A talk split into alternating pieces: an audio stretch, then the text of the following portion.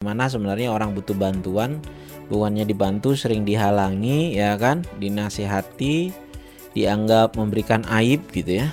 Beda banget sama kesehatan fisik. Mereka nggak punya platform atau wadah untuk uh, berkonseling. Jadi mereka Hmm. tuh takut untuk ke psikiater, takut untuk ke psikolog, bahkan untuk ngomong sama keluarganya aja takut Hmm. karena keluarganya uh, judgmental gitu kan. Kalau orang ngomong soal bunuh diri, jawaban rata-rata umumnya masyarakat di Indonesia adalah nggak boleh ngomong gitu.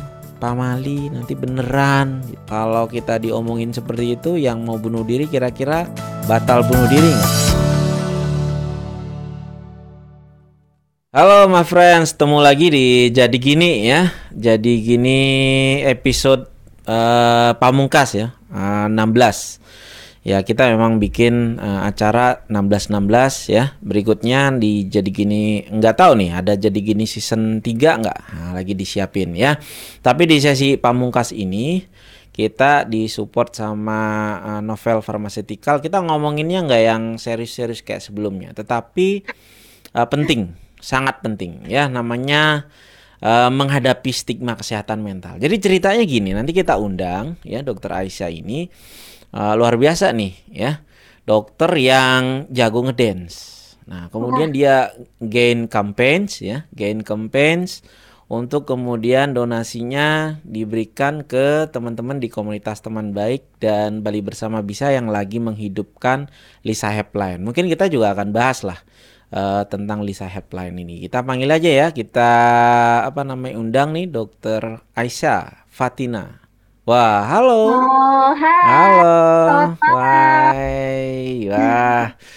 Wah. Ini ada ada yang komen nih. Wala di villa ora ono suarane. Wah, ada kok. Wah, bener kan? Udah ada kan? Oh, udah ada yang Yang udah ya. ya, yang udah joinan boleh lah ya kan say hi buat kita di sini ya. Dokter Aisyah eh, Fatina. Dia apa ya? Namanya apa? Inisiator, founder? Aisyah is aja dancing. sih, sama. Ah, ya Founder Aisyah gitu. is dancing, ya Aisyah is dancing. Nanti kita tanya-tanya tuh apa. Tetapi saat ini berapa terkumpul, Dek? Boleh dipublish? Udah berjalan 10,8. Tuh, kan? Nggak salah saya bilangnya juta, eh, puluhan juta. Udah 10 soalnya, ya kan? Dan itu luar biasa. Awalnya kita diberitahu ya nggak expect banyak, yang penting eh, apa ceritanya nyampe, ya kan? Itu udah Iya, luar biasa. Halo nih, wah balik Corolla Club. Halo dok. Ya, nih kita ngomongin sama dokter yang cantik ini, gitu ya.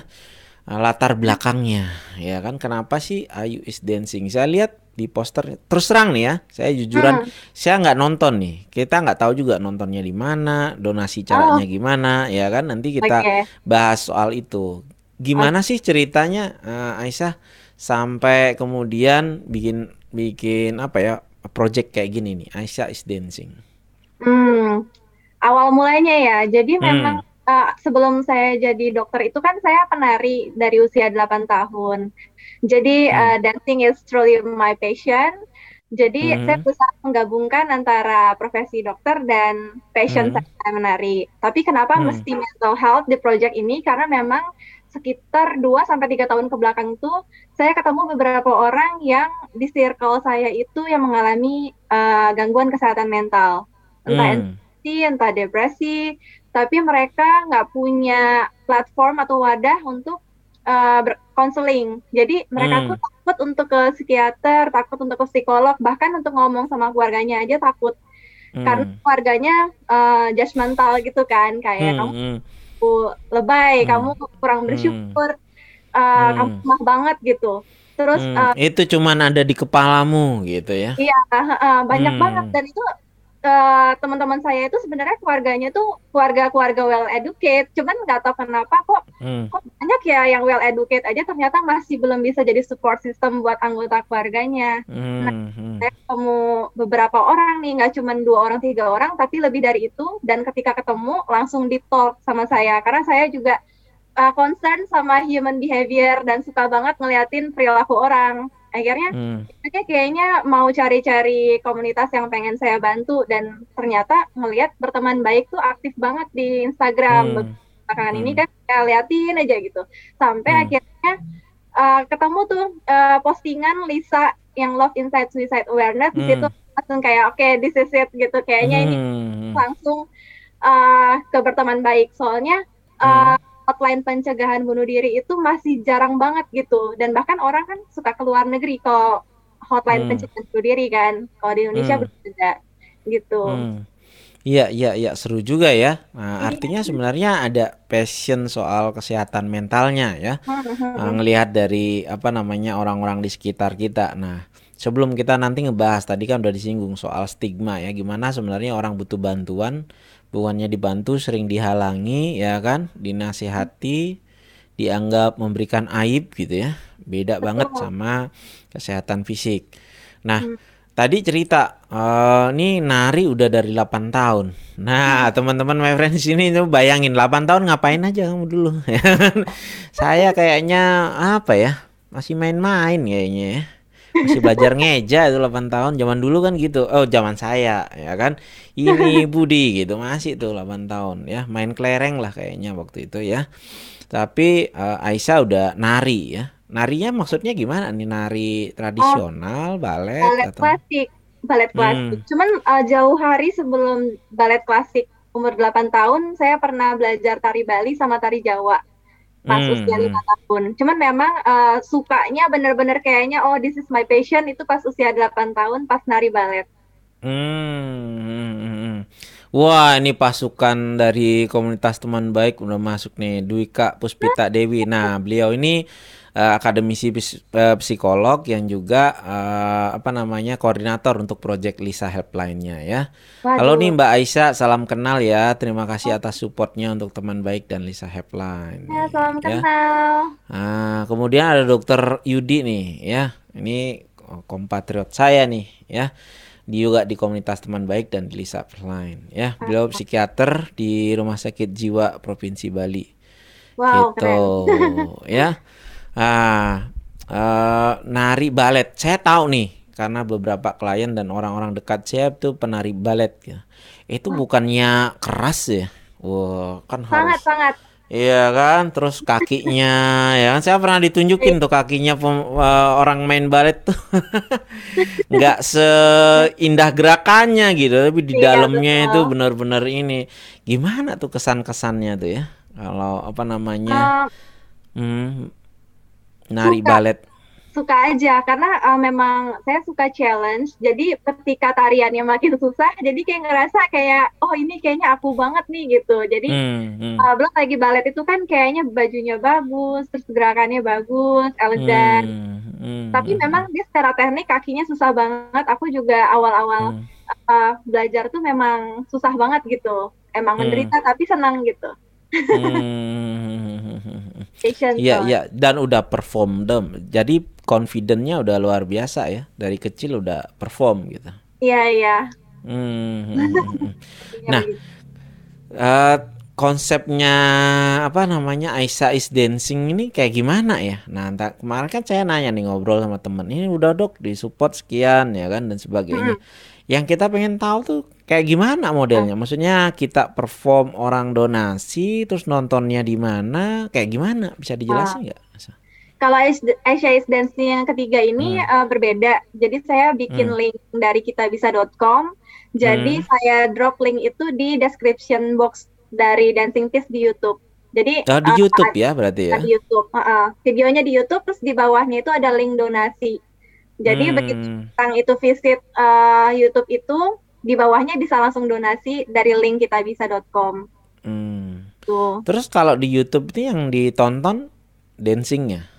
dancingnya. Jadi dancingnya itu Hmm. juga punya makna tersendiri sih. Jadi itu journey journey uh, pribadi saya dari menemukan Hmm. self sampai adanya support system perem- perempuan-perempuan di masa lalu yang Hmm. mendukung saya gitu. Hmm, Jadi Jadi, ada- ada kayak teatrikalnya gitu nggak? Ah, maksudnya ada ceritanya gitu ya? Uh, ada semacam cerita yang tersirat Hmm, tapi hmm, tidak benar-benar cerita gitu. hmm, Jadi dimaknai hmm, dengan gerakan. hmm. Iya, Mungkin implisit gitu ya. Ya. Eh, implisit apa eksplisit tuh?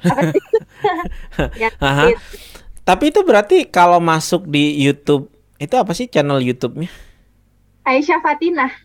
Aisyah Fatina. Nanti Ya. kalau di sana ada uh, itu tiap berapa lama? Ini maksudnya live atau di posting Uh, berkala gitu? Mm, enggak posting itu kayak selamanya ada di situ, cuman saya uh, update campaign itu lewat Instastory kayak misalnya saya bilang Hmm. kayak uh, halo jangan lupa untuk terus berdonasi, jangan lupa tonton Dancing Kids-nya dan berdonasi juga buat baik. Terus Hmm, nanti tapi sudah uh, diposting ya. Oh, berarti mestinya kita bisa nih, ya kan masuk ke YouTube-nya, ah, kita nonton sekilas ya kan. Dan maksudnya gini loh, eh, ya karena saya gaptek ya kan, jadi nggak ngerti nih. Kita bisa bantu campaign ini di mana ya kan? Kalau kayak Oh, gitu, berarti saya juga bisa dong ya kan. Nanti ikutan bisa eh, campaign, bantu campaign di Instastory saya. Oh nih masuk lewat sini ya kan.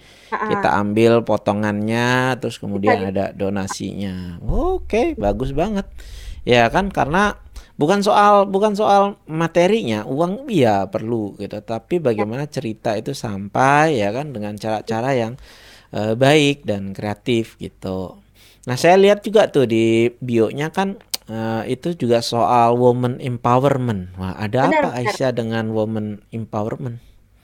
Karena waktu di masa lalu itu saya pernah mengalami lowest point. Eh, itu Mhm. tuh setelahnya bangkit karena ketemu perempuan-perempuan yang sangat mendukung saya dan menginspirasi saya gitu. Hmm, siapakah itu?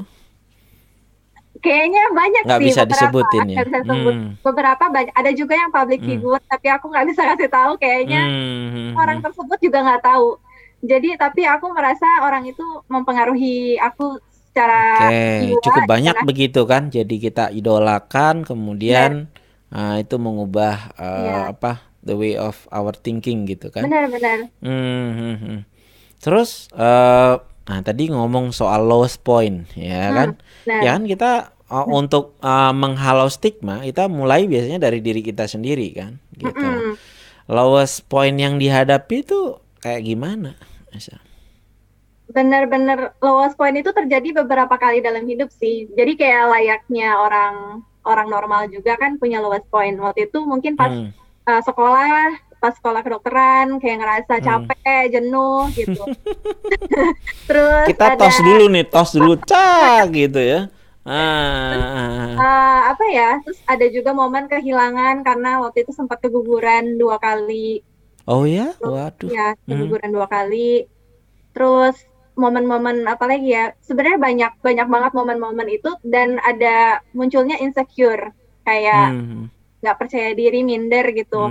Tapi hmm, hmm, itu kan semua manusia kayak gitu ya. Sampai akhirnya hmm, uh, ketemu support system. Support system hmm. itu selain perempuan tadi juga ada uh, pasangan dan itu berpengaruh banget sama proses kita bangkit lagi untuk menjadi lebih sukses gitu. Hmm, ya artinya dengan beberapa apa namanya kejadian buruk ya, bisa Iya, dibilang tuh hitting rock bottomnya gitu ya. benar-benar. Nah, kemudian ternyata eh, dari kesedihan itu sebenarnya ngasih pesan ya ke diri kita bahwa apa sih hal-hal yang penting yang ketika Mm-mm. kita kehilangan itu eh, luar biasa berdampak pada diri kita. Nah, Iya, ternyata eh, hal-hal tadi ya kan, soal iya, keluarga, soal pendidikan, dan biasanya dalam kesedihan itu kita justru ketemu orang-orang yang eh, penting dalam hidup kita ya. banget. Nah, akhirnya pasangan ya teman-teman ya yang perempuan bahkan ada public figure yang juga membuat kita Mm-mm. eh, mengubah ya cara pandang kita soal diri kita. Nah, penting banget. Akhirnya jadi pede lagi, nari lagi. Tapi sebenarnya dari umur 8 tahun sampai sekarang nari terus atau ada periode sebenarnya enggak gitu. Ada periode enggak pas koas. Hmm. Oh, gitu ya. Koas itu kan kayak dua tahun, ya dua tahun off. Tapi udah Hmm. lanjut lagi, Oh, jadi jadi cuma dua tahun ya. Wah, keren tuh. Ya, ya, ya, ya. Tapi kalau nari ngalami hal yang sama nggak? Kalau saya kan olahraga nih, dari zaman kecil sampai ya sama koas itu olahraga. Makanya sekolah Oh, kedokterannya agak lama karena eh, bolos-bolos tuh. oh Masih main ya, olahraga apa masih main. Oh, eh, olahraga gini sepak bola. Jadi Oh, eh ya eh, zaman itu apa sih? Di UI juga kok yang ngadain kok. FK seluruh eh, FK seluruh seluruh apa namanya Indonesia. Jadi sem- ke oh, Jakarta. Wah, Udayana pernah menang juara juara satu dua kali kalau nggak salah, ya kan? wow. Hmm, terus apa namanya? Begitu koas, kita berhenti kan. Berhenti total olahraga. Akhirnya Iya berat badan nambah tuh. Berat badan kan kalau apa namanya? Eh begadang ya kan? Bawaannya makan ya kan, stres Iya, iya. makan. Akhirnya naik tuh berat badan. Dari berapa tuh? 55 sampai terakhir bisa sampai 75 20 kilo. Gitu. Begitu residen nambah lagi. Nah, Iya, nambah baru lagi. baru kemarin bisa turun ya kan? Gitu. Tapi kalau nari kayak gitu juga nggak sih? Maksudnya nah biasanya kan kalau film-film balet nih ya kan? Tuh kayak diharuskan kurus ya nggak sih? Mesti Benar-benar. kurus mesti kayak gini nggak boleh ya. Harus ketat lah gitu. Nah, Ah, Aisyah gitu juga nggak sih zaman-zaman Hmm, dulu atau emang ya karena cocok posturnya emang udah kurus diapain aja tetap kurus gitu? Sebenarnya saya basicnya memang kurus, tapi memang kalau untuk mendapatkan suatu peran atau bagian yang penting dalam balet memang harusnya kurus sih. Emang Hmm. kayak gitu. Karena kalau yang agak lebih gemuk atau gimana itu biasanya jadi perannya pendukung atau kurang bisa jadi pemeran utama hmm. gitu. Karena udah kayak stigma kali ya. ya emang Hmm. balet itu pemeran utama harus kurus. Hmm, iya iya iya iya. Nah, tuh nanti ada tuh bisa untuk Aisyah is dancing 4 atau 5 gitu kan. Iya, iya. Merekrut oh ya yang berat badannya apa namanya berlebih tetapi kemudian tetap bisa oke gitu. Oh, Di komunitas teman baik ada teman-teman yang eh it- apa namanya survivor it- apa eating disorder atau kemudian juga body oh dysmorphic iya? gitu. Oh. Ya, eh, beberapa kali juga kita ajak siaran. Nah, kita begitu bagaimana eh, isu-isu kesehatan mental tuh keluar dari teman-teman yang mengalaminya sendiri sehingga masyarakat tuh jadi tahu bahwa ada loh hal-hal semacam itu gitu dan itu nggak lebay gitu. Ya, ya, ya. Terus eh apalagi ya? Udah narinya ya. eh jadi donasinya bisa nanti masukkan ke sana gitu ya. Iya betul. Ke Ah, link oke. link kitabisa.com. Hmm, hmm. Ya nih berarti saya uh, mesti ngajak teman-teman ya kan di komunitas teman baik dan Lisa Hepline supaya juga apa namanya bisa nih bantu Aisyah ya kan berbagi ceritanya. Ya kan kita sama-sama berbagi ceritanya ya. Toh itu juga gen donation-nya buat kita ya kan. Bagus banget. Nah, saya juga malu nih. Wawancara saya belum nonton karena nggak paham. Saya berapa kali dikasih tahu sama Ardan dan ini Iya, maksudnya gimana? Ya, dikasih tahu tapi saya nggak paham gitu. Akhirnya ya nanti kita bisa masuk ke sana ya. Gitu. Seru kan? Seru kan? Nah ini yang di sini aja nih. Dwika Yudi eh, Dokter Yudi. Nah gimana nih? Kayak begini bisa dong. Bagus dong ceritanya. Ya ini ada yang nanya nih pasir halus pantai. Waduh pasir halus bisa nanya kak ada webinar free nggak? Oh ada. Selalu ada kita mah ya kan? Eh sambil nunggu webinar free-nya biasanya weekend ya kita buat eh, bareng teman-teman komunitas teman baik. Eh bisa sambil nunggu yang weekend ini kayaknya bisa masuk ke podcastnya kopi kental deh. Kongko Ru- Kongko rumpiin kesehatan mental. Nah itu tuh ada tuh pembicaraan kayak yang udah ada 7 episode gitulah ngomongin inner child ya kan ngomongin aspek-aspeknya terhadap hidup kita ya soal orang tua, soal pemilihan pasangan, soal pekerjaan gitu, macam-macam. Eh, kalau webinar weekend ini kayaknya tentang bucin deh. Wih, seru Walaupun yang banget. ngomong iya ah, banyak orang Iya. tuh nggak paham kalau misalnya di balik bucin itu ada macam-macam. Kenapa bikin insecure? Kenapa apa namanya? Jangan-jangan ada unfinished business sama orang tua jadinya wah, bucinnya ke pasangan. Macam-macam. iya. Nanti dibahas khusus tuh. Ya kan? Dan nanti eh, webinarnya itu via Zoom nanti juga akan direkam suaranya supaya teman-teman eh, nggak terstigma juga kalau mau sharing di situ tapi suaranya aja akan direkam dan dimasukkan ke eh, podcastnya Kopi Kental gitu ya.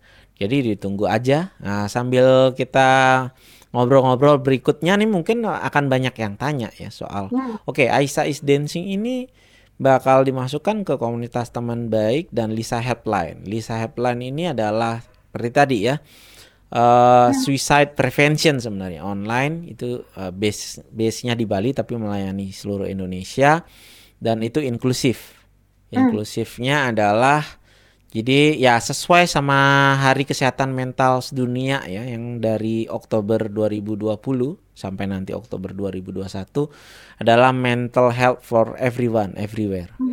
Nah, justru ya yang dilatih di Lisa Helpline itu adalah dari 11 komunitas yang terpinggirkan. Mudah-mudahan saya masih hafal nih. Satu dari komunitas teman baik untuk kesehatan mental, dua dari Movement of Recovery dari korban nafsa ya Hmm? Kemudian uh, Gaya Dewata itu dari LGBT. Kemudian dari GSHR ya, gender gender and sexual human right. Jadi buat teman-teman yang korban kekerasan seksual, kemudian ada dari Kostra ya komunitas tunanetra, kemudian ada rumah disabilitas buat uh, apa disabilitas fisik dan teman-teman tuli. Kemudian dari Kap Rumah Berdaya KPSI Simpul Bali ya teman-teman survivor schizophrenia komunitas bipolar Bali. Kemudian ada Crisis Kitchen yang biasanya apa di masa pandemi ini bagi-bagi makanan. Tetapi dia sambil asesmen kesehatan mental jadi bukan dibagiin aja. Oh. apalagi ya uh, udah semua oh enggak love and strong woman uh, survivor cancer. Jadi ibu-ibu wow. biasanya sih kanker rahim dan payudara ya Oh. 11 komunitas tuh udah 11 belum. Ya itu, nah kita gabung di Oktober tahun lalu di Hari Kesehatan Jiwa.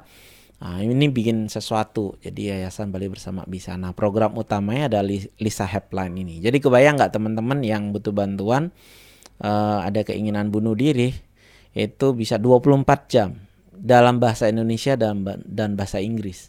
Jadi inklusifnya juga begitu. Karena di Bali ini 80% orang kehilangan pekerjaan ya.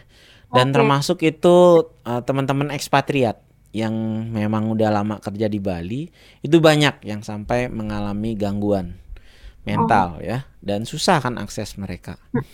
Nah, akhirnya juga ada relawan dari teman-teman yang uh, berbahasa Inggris jadi yang ekspatriat, tapi resmi. Jadi sudah diakui oleh Dinas Imigrasi bahwa mereka volunteering bukan cari kerja gitu.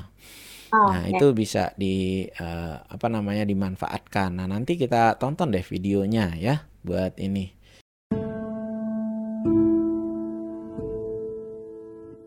Lisa was a friend of our community who died from suicide and that could have been prevented. Lisa is now our suicide prevention helpline for mental health and addiction and other services here in Indonesia, Bali, and it stands for Love Inside Suicide Awareness. The data from Indonesian Ministry of Health show that every year an estimated 800,000 people commit suicide in the world. Every 40 seconds, one person died because of suicide. Every one case of complete suicide, an estimated 20 people attempt to suicide.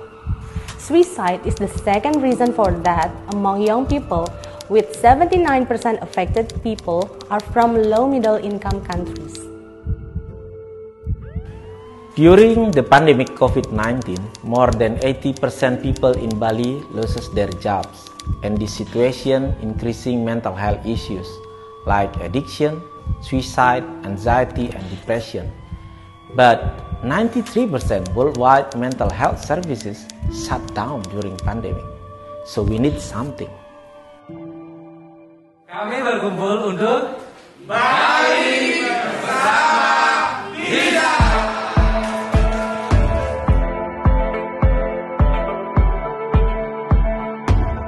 Bali Bersama Bisa stands for Together We Can, which is 11 NGOs joined together.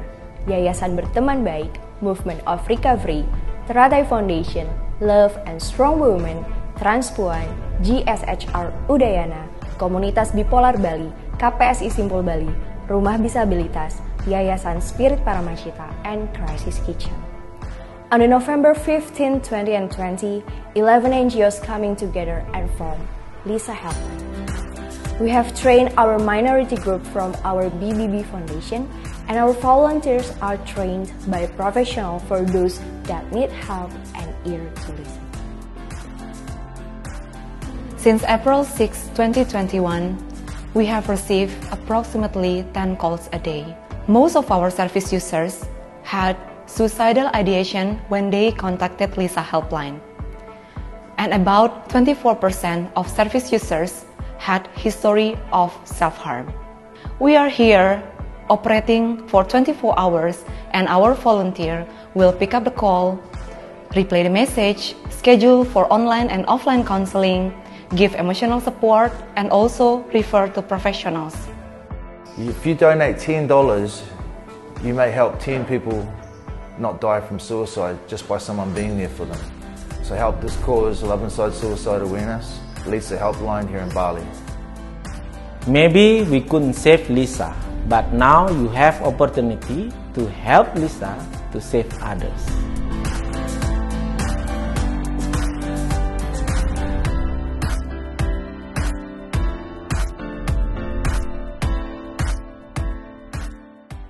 Halo, nah itu tadi ya. Apa Keren. namanya sedikit sedikit videonya ya dibantu juga sama temen uh, videographer ya buatnya dadakan ya supaya sounding juga karena memang uh, apa tantangannya double nih kalau membuat apa namanya online suicide prevention. Pertama bagaimana layanan itu terus bisa diakses oleh teman-teman yang membutuhkan. Jadi mesti banyak yang tahu. Kedua eh, ya untuk menjalankan itu terus terang nih sampai dari bulan apa ya?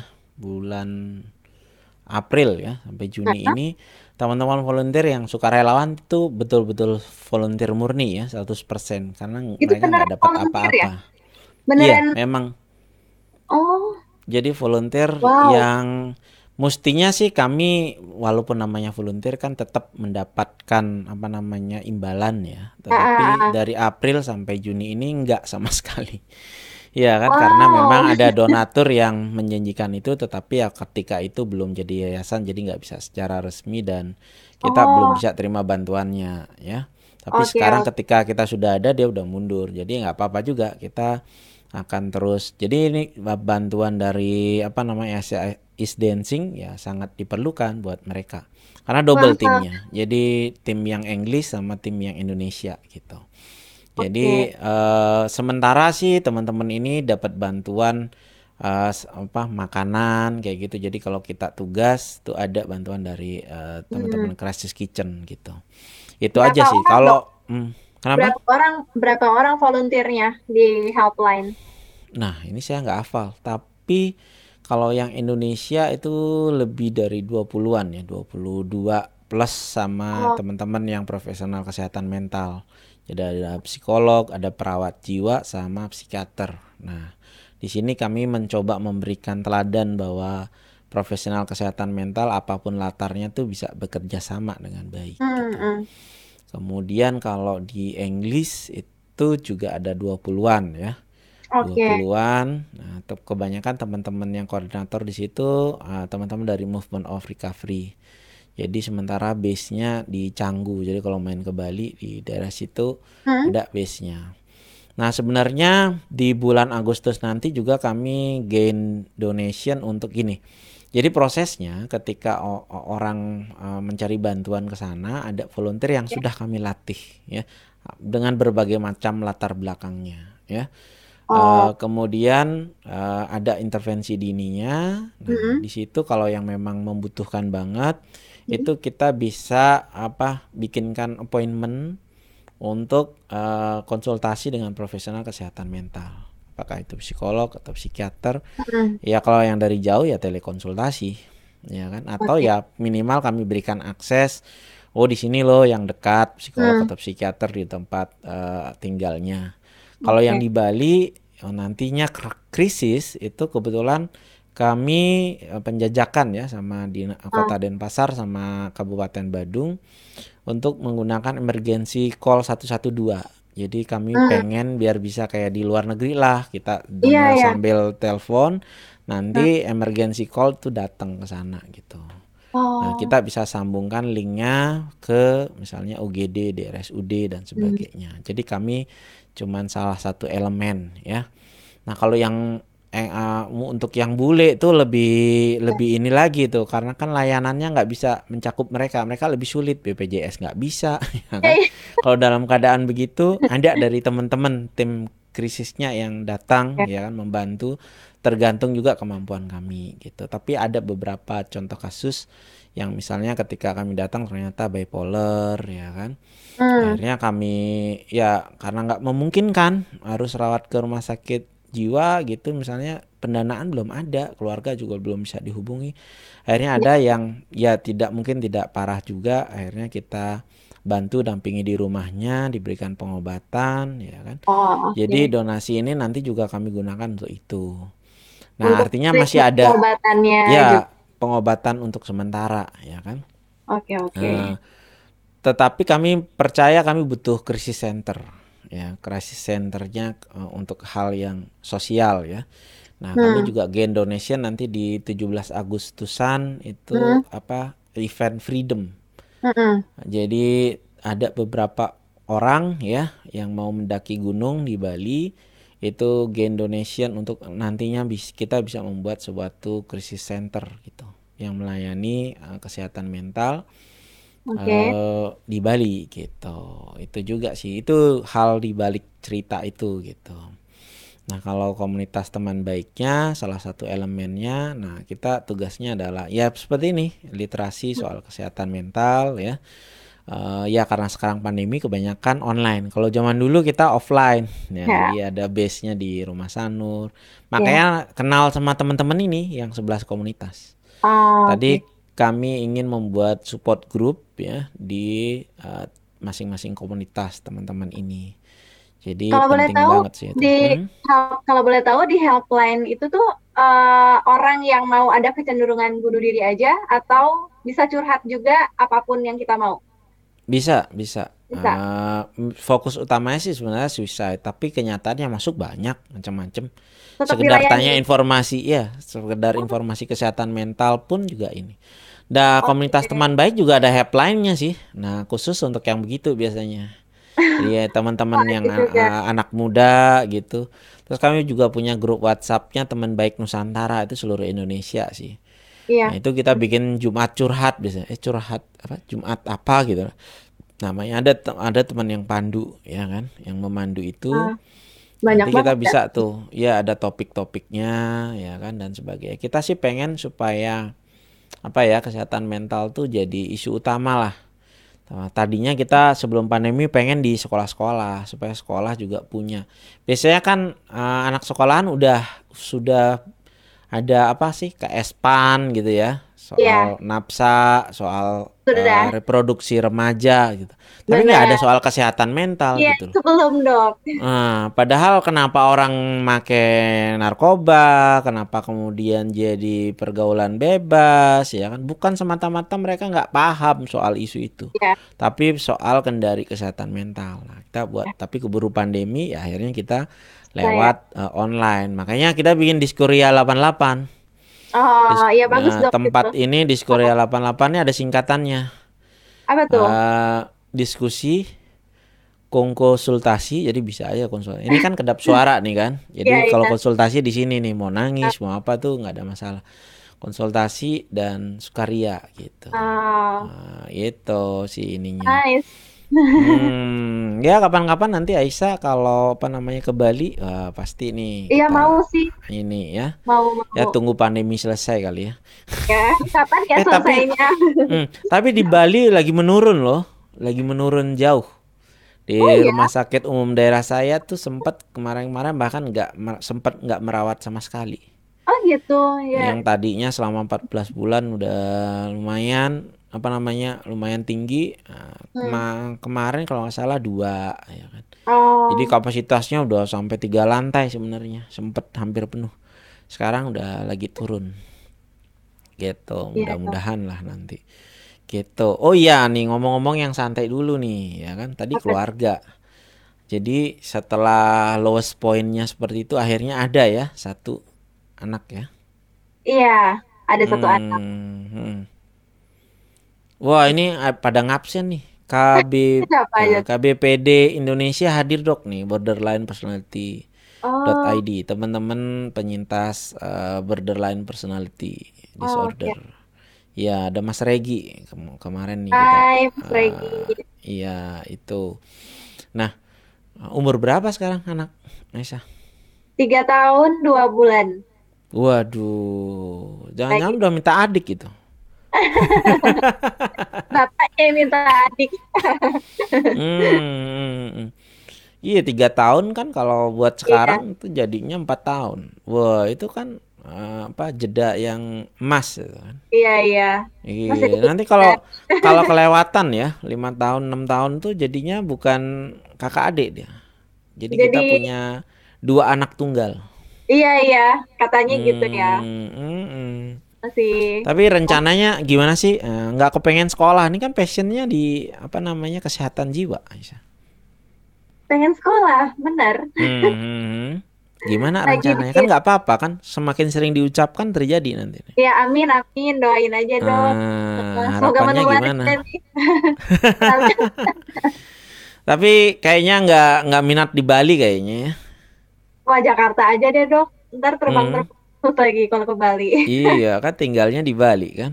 Eh tinggalnya di Jakarta kan? Hmm. Jakarta. Jadi rencana nanti masuk di, eh, di ini ya, mau ngelamar di UI kali ya?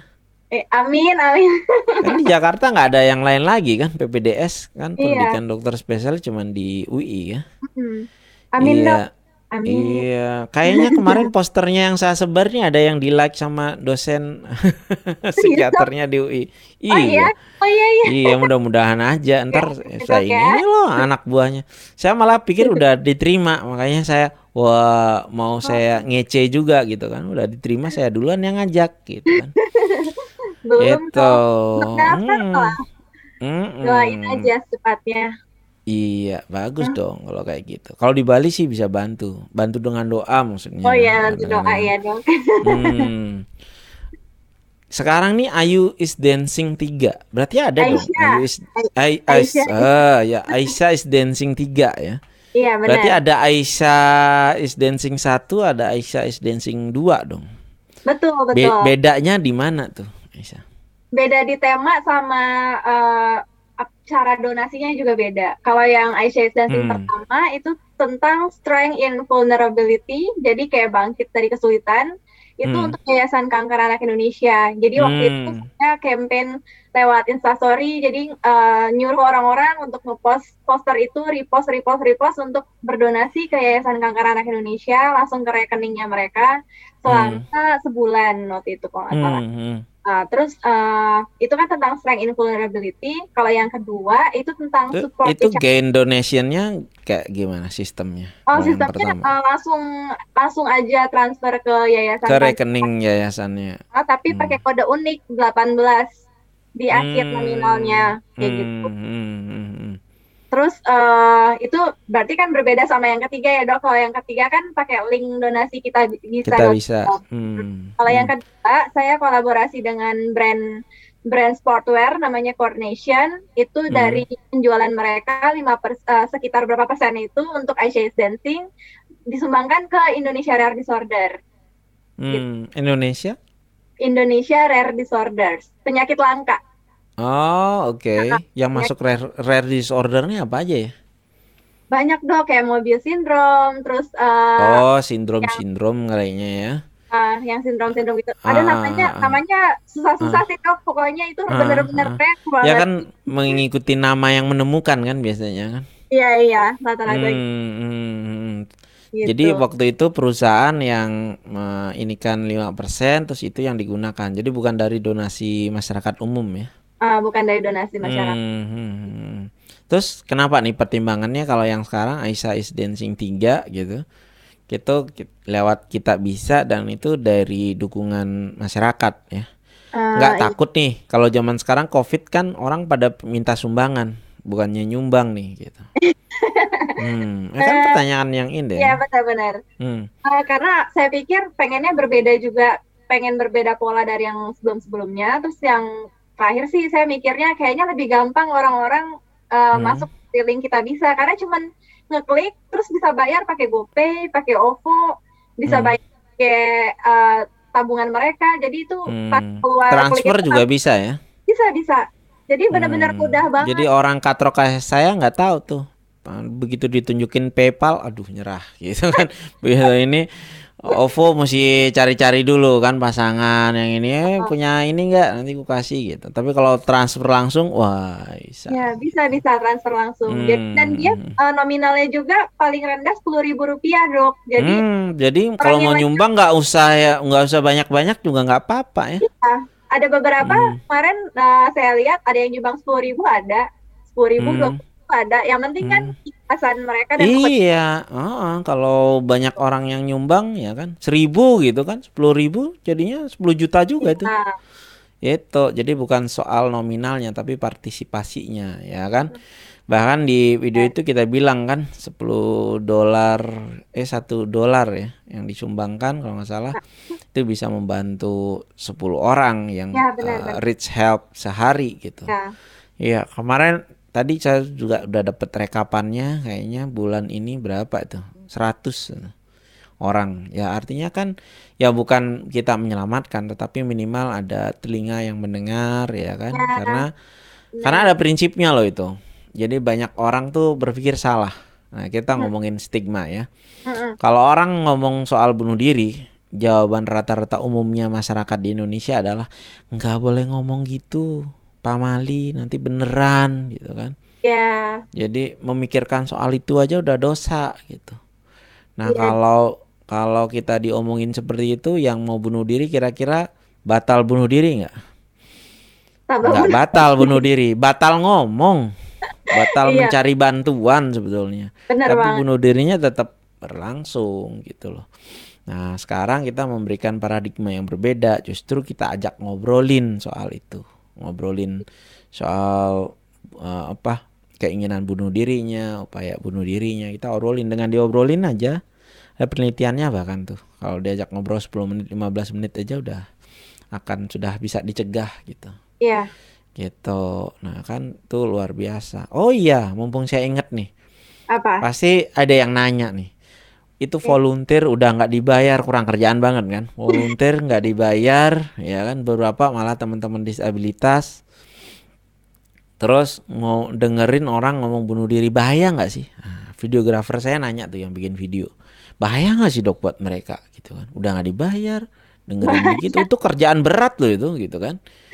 Nah, kita sementara ini nggak bisa membantu apa-apa, cuman kita bikinkan ya program kayak uh, support group buat sesama teman konselor. Jadi kita bisa sharing ya kan, berbagi, saling menguatkan juga supaya kemudian dampak buruk ini tidak terjadi begitu saja. Karena teman-teman ini kan bukan profesional kesehatan mental.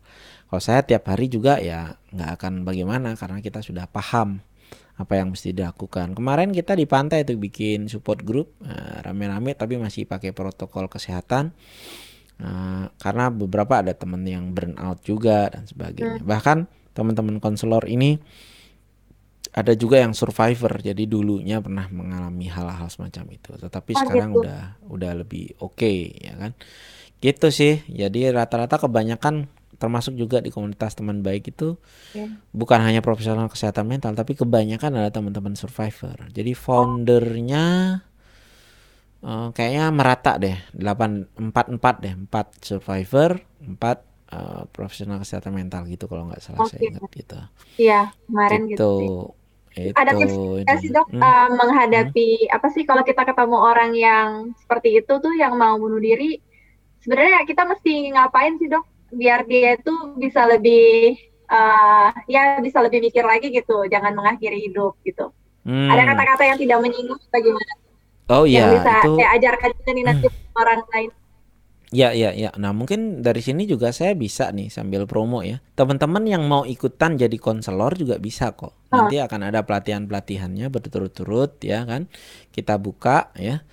Eh nanti akan diajarin bagaimana kita menjadi kalau di komunitas teman baik, eh, tagline-nya itu bagaimana kita mendidik eh, sebanyak mungkin orang bisa menjadi teman baik buat orang lain. gitu. Nah, itu. Biasanya kan kita kita sulit eh, cari teman baik, ya kenapa nggak kita menjadi salah satunya gitu. Teman Iya. yang baik tuh bisa mendengarkan ya keluhan teman-teman tanpa judgement dan mendukung Benar. ya kan yang lebih baik gitu. Nah, kalau menghadapi bunuh diri gitu ya, upaya bunuh diri atau ide bunuh diri itu ada beberapa hal kesalahan biasanya ya. Uh, pelatihannya jauh ya gitu nih. Ada yang nanya nih LD 666. Offline uh, kalau yang di Bali untuk konselor Lisa ya offline. Tapi kalau untuk ke pelatihan teman baik ada juga nanti dalam bentuk online.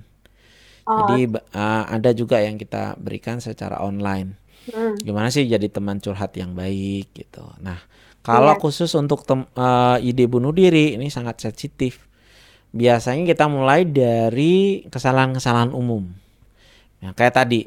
Jadi ketika orang ada orang nyampaikan, "Aduh, aku pengen mati aja nih." gitu kan. Hmm. Kemudian kita udah, "Wah, jangan, nggak boleh ngomong begitu." Ya kan, kamu Iya, harus iya.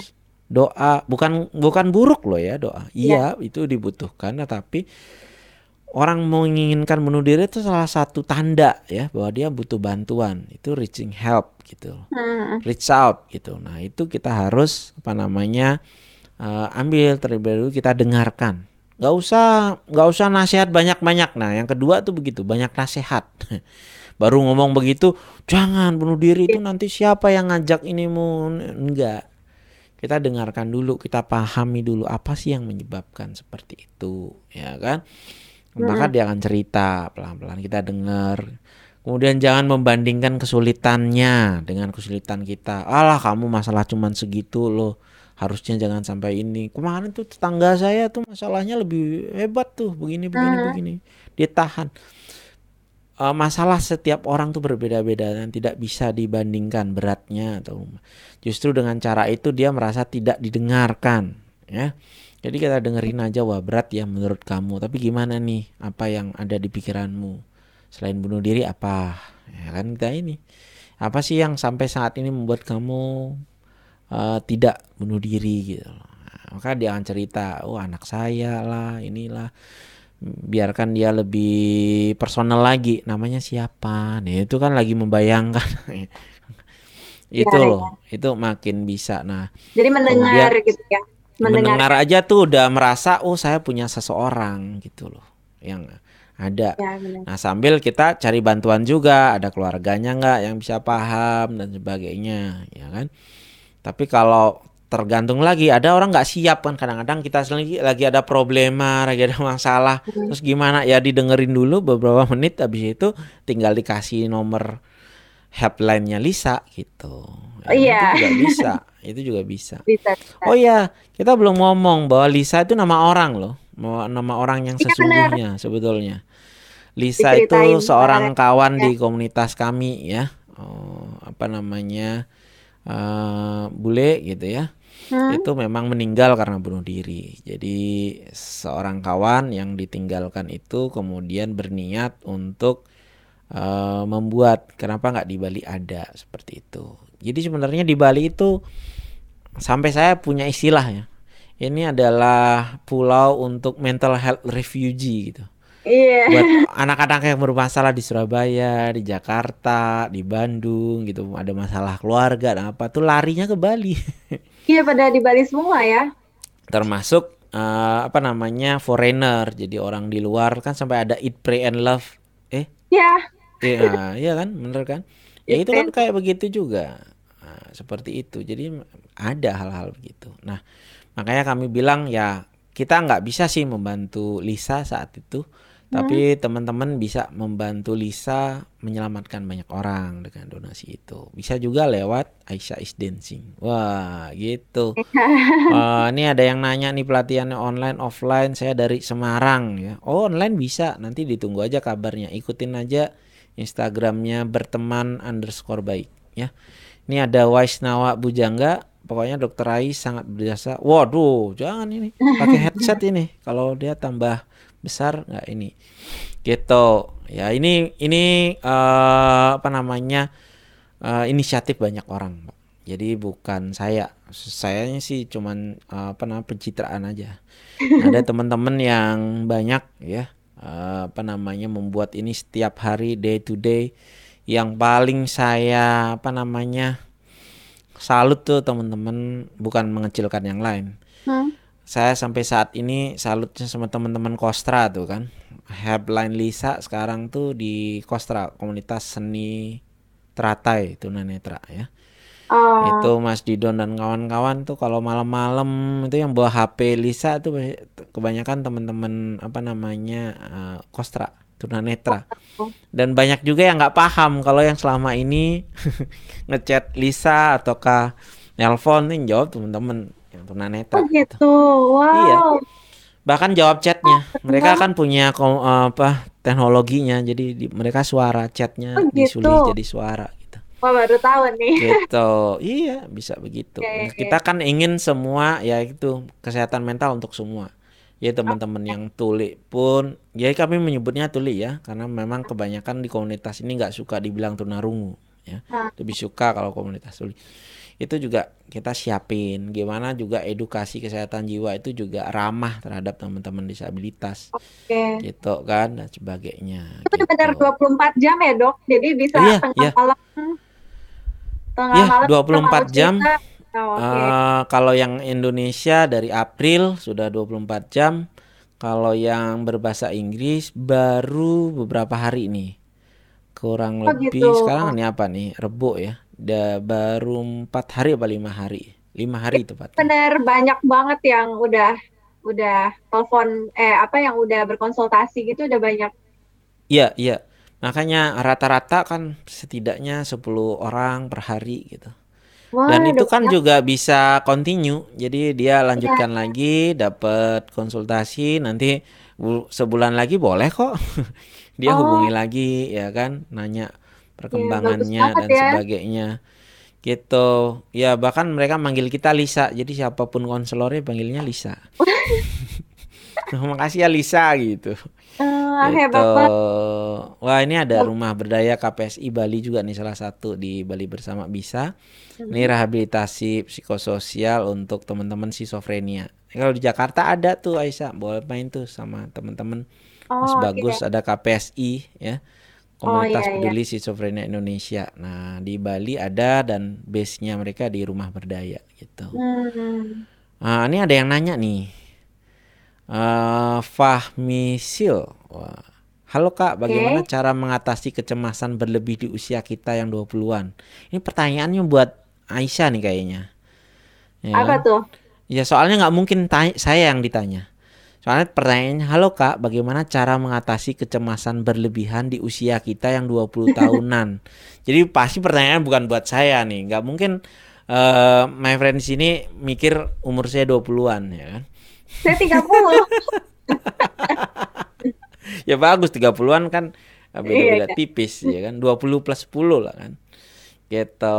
Ini gimana nih? Ah, ini nggak apa-apa kan? Cara Aisyah juga pernah lah pasti menghadapi Mengatasi kecemasan. kecemasan ya apalagi dulu kan Oh. pernah kan di di titik-titik terendah dalam hidup kita tuh ngerasa insecure Ini ya kan, harus cemas harus eh, menemukan diri sendiri dulu. Jadi Hmm, supaya kita nggak get lost sama uh, diri kita gitu. Karena karena menurut saya kalau misalnya kita nggak kenal diri kita dan nggak tahu mau kita apa, itu akan susah banget menghilangkan kecemasan. Jadi kalau bisa self love-nya ditemukan dulu. Nah itu harus kita harus berada di sekeliling orang yang benar-benar positif.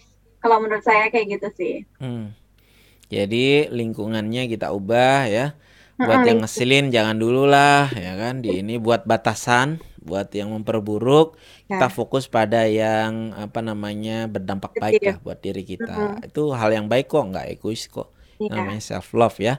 Itu itu salah satu caranya atau upaya-upaya mandiri. Ini bisa lihat di poster-poster edukasi di eh, timeline saya tapi kalau semua itu juga nggak bisa membantu sebenarnya untuk kemudian mendapatkan eh, terapi lanjutan di profesional kesehatan mental bisa di psikolog klinis bisa di psikiater ataupun perawat jiwa juga bukanlah hal yang buruk gitu, Benar. ya Kecemasan tuh ada yang fisiologis, ada yang yang normal, Hmm. sama ada yang memang uh, uh, gangguan kan disorder. Hmm. Kita harus diketahui dulu kecemasannya masuknya yang normal apa yang memang udah gangguan. Hmm. Iya sama kayak orang demam kan nggak langsung minum obat, nggak langsung Iya. datang ke dokter kan. Ya minum-minum jahe dulu, ya kan. Nah itu upaya mandiri namanya. Iya. Jadi bisa lakukan upaya mandiri tapi jangan lama-lama kalau memang masih menetap ya berarti itu butuh penanganan benar. lanjut gitu. Wah, ini udah lulus nih kalau mau nyari PPDS di Aduh, amin. Nanti saya bilang ini saya colek-colek nih ya kan sama teman-teman yang saya kenal aja di UI ya kan. Aduh, amin. Ah, ah, tersisa sama ini apa namanya Gina kayaknya udah udah like gitu. Dia pasti Oh, nanya nih ini siapa nih? gitu kan. Kenapa yang jauh-jauh di Bali nih yang duluan? Ya kan gitu itu sih ya. Oke nggak terasa ya sejam kalau memang enak ya ngobrol sama Iya dong, ah, ah, sama yang cocok jadi psikiater tuh memang enak. Jadi ngobrolnya sejam nggak berasa. iya. Gitu ya, udah tinggal tiga menit lagi. Ya inilah kita upaya-upaya masyarakat ini. Gini loh. Kesehatan mental nggak bisa hanya dikerjakan oleh profesional kesehatan mental, tapi itu menjadi hak dan kewajiban seluruh orang, ya kan? Lewat apa pun, bahkan lewat seni, lewat menari gitu ya. Nah, eh, dan kita bisa nih daripada apa isinya hoax melulu ya kan mending kita isi nih media sosial ya kan Benar. internet dengan hal-hal yang positif seperti ini Aisyah ada yang mau di ini kan saya nggak mau bilang pesan terakhir spooky banget kalau pesan terakhir ya kan Pesan terakhir Hmm. ya, pesan-pesan dari saya sebagai founder dari Aisyah's Dancing, Hmm. jangan lupa untuk selalu support uh, komunitas kesehatan mental, terutama berteman baik dan yayasan lainnya, serta Helpline Lisa. Terus kalau bisa mohon bantuannya untuk berdonasi. Jadi uh, nggak apa-apa donasinya kecil, tapi yang penting kepedulian kalian terhadap platform kesehatan mental ini. Hmm, Terus linknya apa sih linknya link kitabisa.com ada di dalam description box di YouTube aku. Panjang oh soalnya. gitu kesehatan Ah. mental Tapi dan bisa aja ya kita bisa.com nanti ada Aisyah is dancingnya lah gitu ya. Pasti ada kan kata-kata itu. coba uh, di profil Instagram aku klik link itu lalu Ah, ada link lagi di dalamnya. Jadi Iya. masuk aja ke Instagramnya Aisyah Benar. Fatin 91 ya. Saya udah Ah. hafal ya kan. Syafatin 91. Nah, nanti ada tuh linknya di situ di bio ya. Oke, Benar. kalau gitu eh, terima kasih nih Aisyah ya. Masih dibuka kan donasinya sampai kapan? Sebenarnya Aisyah hari is ini. Udah tutup. hari ini atau besok itu sebenarnya udah terakhir dok. Cuman Oh, uh, gitu. kalau cuman kayaknya bisa diperpanjang. Jadi saya Iya, catat dulu nih kalau kayaknya bisa kita gitu. perpanjang seminggu deh, ya kan, buat Oh, kita juga oke, ikutan oke. seru-seruan ya. Gitu, Nanti saya oke, my perpanjang. friends ya, menarik ya kita uh, di jadi gini season 2 yang episode yang terakhir ya. Nantikan kita kan selalu ada penasaran ya. Ada nggak season ketiga gitu ya kan? Masa kalah sama tersanjung yang udah sampai 7 kalau nggak salah ya kan? Itu kalau jadul begitu tuh, ya kan? Ininya tersanjung. Oke, gitu dulu uh, acara kali ini itu disupport uh, penuh sama novel farmaseutikal. Ya, terima kasih ya Aisyah. You usah- so jangan much. kapok-kapok nanti kita ngobrolin apalah gitu di Zoom Iya. di podcast ya Sure. kan. Kan Yes. dunia tidak terbatas sekarang dengan online ini. Oke. Iya dok, siap. Gitu ya. Oke, bye bye my friends. Bye, makasih Aisyah.